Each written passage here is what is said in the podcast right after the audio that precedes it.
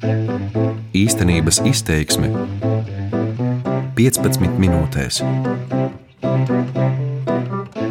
Esejas par lasīšanas vēsturi Latvijā. Labdien!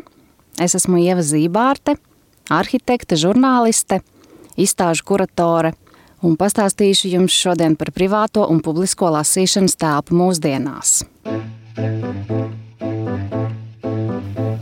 Teju 20 gadu rakstot par arhitektūru un dizainu, bibliotēkas ir nācies pieminēt vairāk kārt, taču mazāk nekā gribētos. Mazāk nekā tas būtu nepieciešams, ņemot vērā publiskās arhitektūras nozīmi nevienlīdzīgajā, bet straujā tehnoloģiju un sabiedrības attīstības fāzē esošajā 21. gadsimtā. Viena no mūsdienu bibliotēkas lomām ir šīs attīstības rezultātā radušos sasniegumus padarīt pieejamus ikvienam. Un tas bibliotēkai, kā ēku tipam, ir ļāvis kļūt par tikpat atpazīstamu un pat pieprasītu pilsētas zīmola elementu kā muzejs. Pirmos mūsu laika bibliotēkas standartus – un tās virzīšanos no akadēmiskas kolekciju veidošanas un lasīšanas prakses uz kopā sanākšanas un brīvpieejas informatīvo un pētniecības telpu es iepazinu rakstot par arhitektūru Londonā, kad 2000. gadā Stērlinga balvu, Britu ievērojamāko atzinību arhitektūrā, saņēma Pekamas bibliotēka. To atklāja 1990. gadā arhitekts Vils Olsops – Tas bija īpašs laiks, kad dzima arī stārkitekta jēdziens, un uz Nacionālās loterijas vai struktūra fonda finansējuma pamata visa Eiropa piedzīvoja arhitektūras uzplaukuma. Uz šāda prominenta, izteikti spoža fona tikt pie balvas nozīmēja arī nostiprināt bibliotēkas statusu publiskās arhitektūras tipoloģijā. Bibliotēkas fotografēja arvien ievērojamāki fotogrāfi, tās burtiski bija uz viļņa, un pat tie, kas neceļo, zināja, kā izskatās melnais dimants Kopenhāgenā vai Sietlas centrālā bibliotēka. 2014. gadā Birmingemas bibliotēka iekļuva visas apvienotās karalistes apmeklētāko turismu objektu desmitniekā.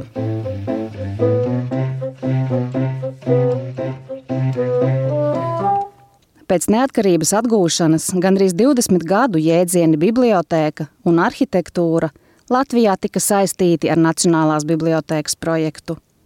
90. gados lasīšanas vidē vēl bija izteikts padomi laikos iedibinātais raksturs, un cilvēki lasīja mājās, varbūt vilcienā un retu reizi bibliotēkā, galvenokārt studiju un pētniecības nolūkā, pieciešot augstumu, mitrumu, šaurību un pieticīgas labierīcības.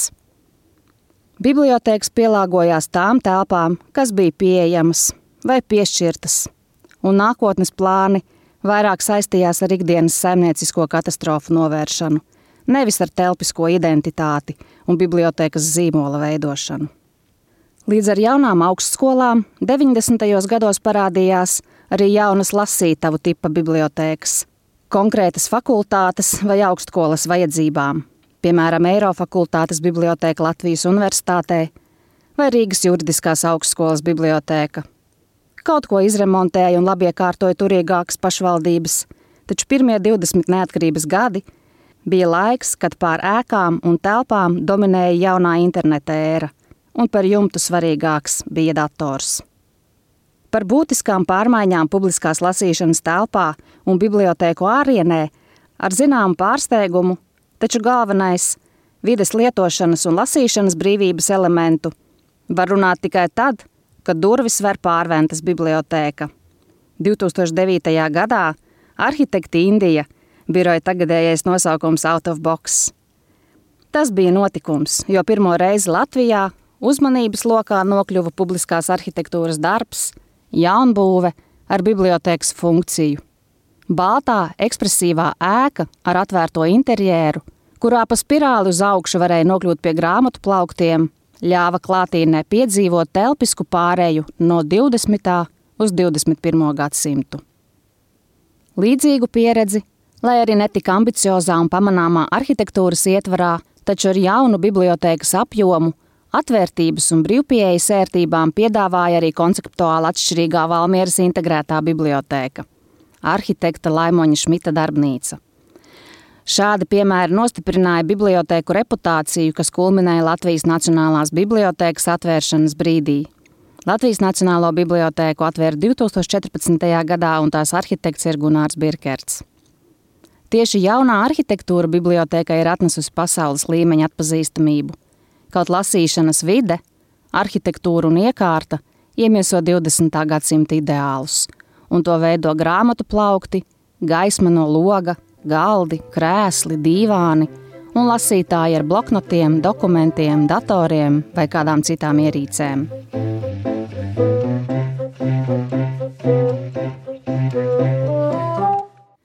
Divu 2014. gadā Latvijas Nacionālās bibliotēkas atbalsta biedrība īstenoja projektu Latvijas mazās gaismas pilis, kurators Jānis Drippe, kas ceļojošās izstādes un kataloga formātā iepazīstināja ar publiskajām bibliotēkām visā valstī.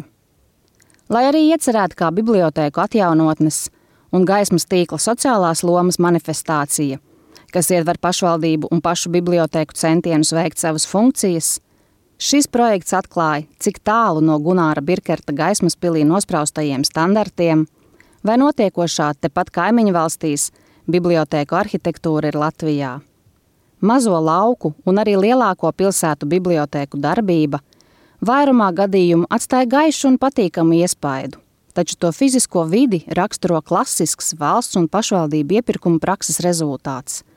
Zemākās cenas būvniecības materiālu un mēbeles, siltināšanas praksa, kur vēsturiskos logus nomaina ar vislētākajiem plastmasas logiem, kā arī pašvaldību skolu, bērnu dārzu, dzīvojamo ēku un attiecīgi arī bibliotēku arhitektūrā un interjerā dominējošā saulespuķu dzeltenā, apelsīna oranžā, smilšu bēšā un vienmēr populārā laša krāsa. Šajā iepirkumu kataloga monotonijā ir atrodami arī izņēmumi, kur jaušami bibliotēku vai pašvaldību vadītāju, varbūt sabiedrības spiediena vai attiecīgā reģiona būvkultūras ietekmēti centieni publiskajai arhitektūrai piešķirt kvalitāti kas kalpo kolektīvās izaugsmas interesēm. Te minama Kuldīgas galvenā bibliotēka, Cēsu centrālā bibliotēka, Saldus pilsētas bibliotēka vai pavisam neordinārā Jankliča bibliotēka. Zināmu šarmu šīm ēkām, līdzīgi kā Pelču un citu pagastu un pilsētu bibliotēkām, nodrošina atrašanās romantiskās vēsturiskajās ēkās. Taču arī šie gadījumi liek uzdot jautājumus – ne tikai par bibliotēku arhitektūru un interjeru, ne tikai par lasīšanas, bet visu izglītības un izglītošanās vidi kopumā. Iespējams, ir laiks šīs funkcijas, īpaši mazāk apdzīvotos reģionos, apvienot jaunās ēkās, kur vienu vietu un vienā ēkā ir moderna skola, bibliotēka, baseins, sociālais centrs, šūšanas un citas dari pats darbnīcas un pārtikas veikals.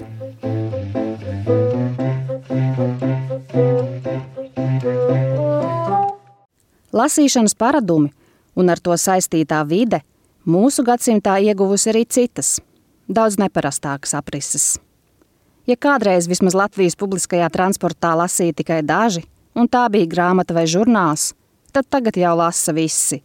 Vieni patiešām lasa grāmatu uz papīra, vai piemēram Amazon Kindle formā. Citi lasa, kas uzrakstīts uz viņu sociālo tīklu sienas. Vēl kāds lasa ziņas visās iespējamās valodās, cits lasa ar acīm vai ausīm, klausoties podkāstus vai skatoties YouTube. Mēs lasām, ejot pa ielu, stāvot rindā, braucot liftā pie pusdienām, lasa visi un visur. Lasa vairāk nekā agrāk, un lasīšana, kas mūsdienās ietver arī skatīšanos un klausīšanos, notiek visdažādākajās vidēs. Sociālie tīkli ir pārvērtuši arī bibliotēku lasīšanas un grāmatu tēlu. Lai arī lielvalstu nacionālo vai pilsētas bibliotēku Instagram kontu sekotāju skaits sasniedz tūkstošus, piemēram, Kongresa bibliotēkā virs 55 tūkstošiem, Britu bibliotēkā virs 277 tūkstošiem, Ņujorkas publiskajā bibliotēkā virs 380 tūkstošiem, Skotijas Nacionālajā bibliotekā virs 5000, Latvijas Nacionālajā bibliotekā virs 2000. Šis skaitlis visticamāk nekad nesasniegs vairāk kā vienu miljonu sekotāju, kāds ir kontam Hot Dudes Reading. Šis Instagram konts piedāvā stāstu par simpātiskiem vīriešiem, kas grāmatu lasa vilcienā, tramvajā vai parkā un soliņa. Sekotājs secina, ka puiši lasa daudz. Viņi var būt ģērbušies kā uzvalkā, tā sporta tērpā. Viņiem bieži ir frizēta bārda un biezi viļņaini mati, un nav svarīgi, vai foto uzņemts Londonā, San Francisco, Parīzē, Ņujorkā, Rīgā vai Tartū. Vismaz viens miljons cilvēku visā pasaulē vēlas šīs fotogrāfijas redzēt un ļauties fantāzijām, ko piedāvā atletiski jauni vīrieši ar grāmatu rokā. Lasa arī slavenības. Savs grāmatu klubs ar fokusu uz sievietes balss literatūrā ir Holivudas aktrisē Rīzai Viterspūnai. Viņa ir saistoša lasīšanas piekritēja, kas dalās ar ieteikumiem un diskutē ar autoriem un lasītājiem. Rīzes lasītāju klubs vieno grāmatmīļus visā pasaulē, un šis ir tikai viens piemērs, kas apliecina, ka mūsdienās vairs neeksistē geogrāfiski ierobežota lasīšanas telpa. Lai arī grāmatas un bibliotekas ir cieņā, interneta un sociālo tīklu auditorijā. Rakstot par privāto interjeru, nākas secināt, ka arvien mazāk ir māju ar plašām bibliotekām. Taču pirms mesties nosodīt jauno patērētāju kultūru ar akcentu uz vienreiz lietojamām precēm, jāatceras, ka klasiskais attēls ar mūžas bibliotēku vai padomju laika dzīvokli nav relevants mūsdienu dzīvēm. Lieli rakstītā teksta un attēlu veidoti satura masīvi tiek patērēti mobilajās ierīcēs, grāmatu tirāžas un cenas atbilst reālajam tirgumam, un tās nav saucamas par demokrātiskām.